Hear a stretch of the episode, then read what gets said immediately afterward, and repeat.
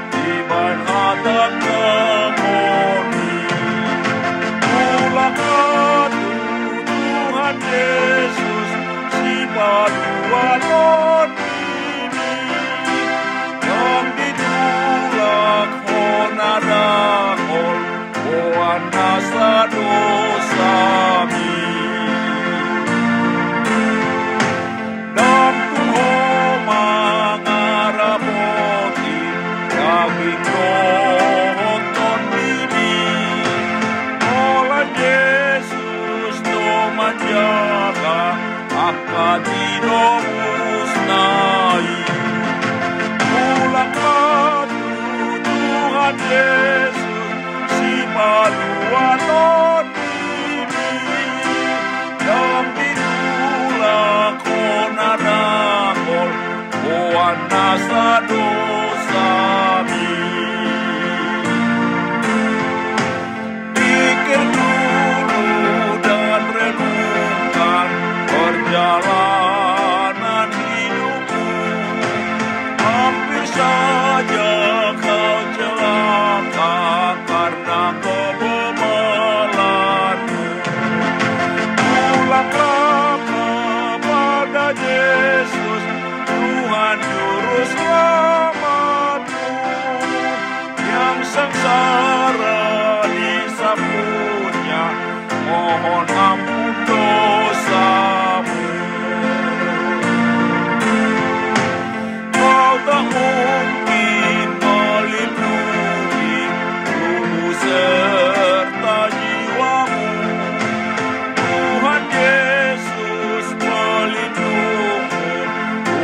Yam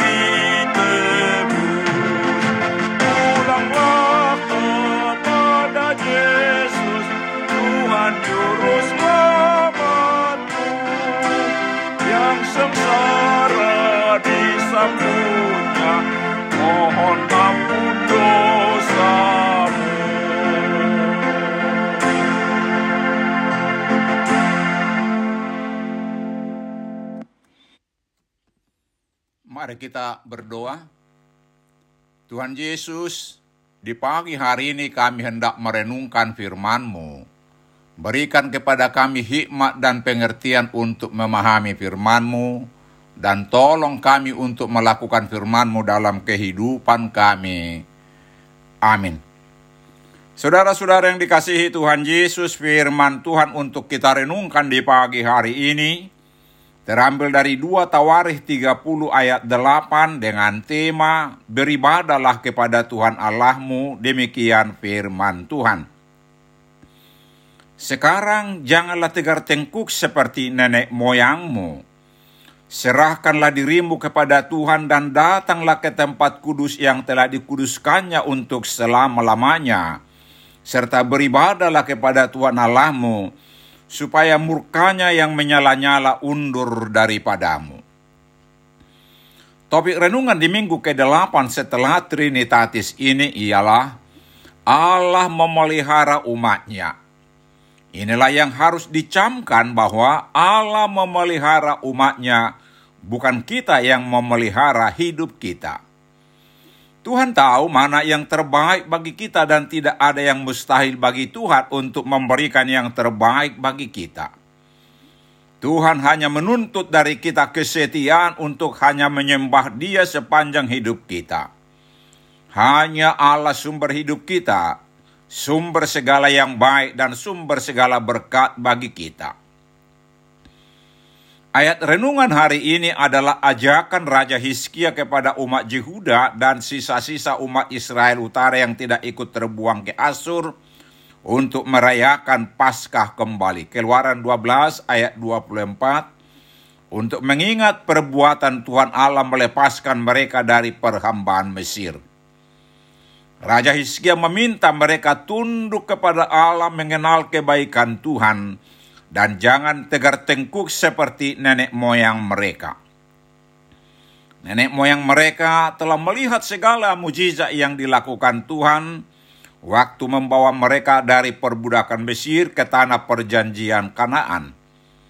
Tetapi mereka bukan taat menyembah Tuhan, malahan jatuh ke dalam sungut-sungut dan memberontak, sehingga dari sekitar dua juta orang dewasa yang keluar dari Mesir, hanya Yusua dan Kaleb yang sampai ke Kanaan. Yang lain mati di padang gurun sebagai hukuman Allah atas tegar tengkuk mereka. Setelah tiba di tanah perjanjian dan hidup makmur, bahkan menjadi kerajaan yang besar, mereka tetap tegar tengkuk sehingga Allah menghukum mereka dengan membuang mereka ke Asur dan Babel. Saudara-saudara yang dikasihi Tuhan Yesus, Mari kita belajar dari pengalaman orang Israel ini untuk tidak bersungut-sungut, tetapi taat dan setia mengikut Tuhan Yesus. Kita yang sudah ditebus dengan darah Yesus Kristus yang tercurah di kayu salib, yaitu darah anak domba paskah kita yang telah disembelih, yaitu Kristus. 1 Korintus 5 ayat 7 kita diingatkan supaya menyerahkan hidup kita kepada Tuhan Yesus sebagai persembahan yang hidup. Itu berarti bukan kita lagi yang berkuasa atas hidup kita, tetapi Tuhan Yesus. Karena itu, apa pun yang kita lakukan dengan tubuh ini harus seizin Tuhan Yesus yang memilikinya. Hidup kita hanya untuk melakukan yang menyenangkan hati Tuhan dan itulah ibadah kita yang sejati. Roma 12 ayat yang pertama. Dengan demikian, kita akan hidup dalam damai sejahtera Tuhan, karena dia yang memelihara kita. Amin, mari kita berdoa. Tuhan Yesus, ajarlah kami untuk selalu mengucap syukur kepadamu dan mempersembahkan tubuh kami sebagai persembahan yang hidup dan yang kudus, yang berkenan kepadamu, karena itulah ibadah kami yang sejati. Amin. Tuhan Yesus memberkati kita.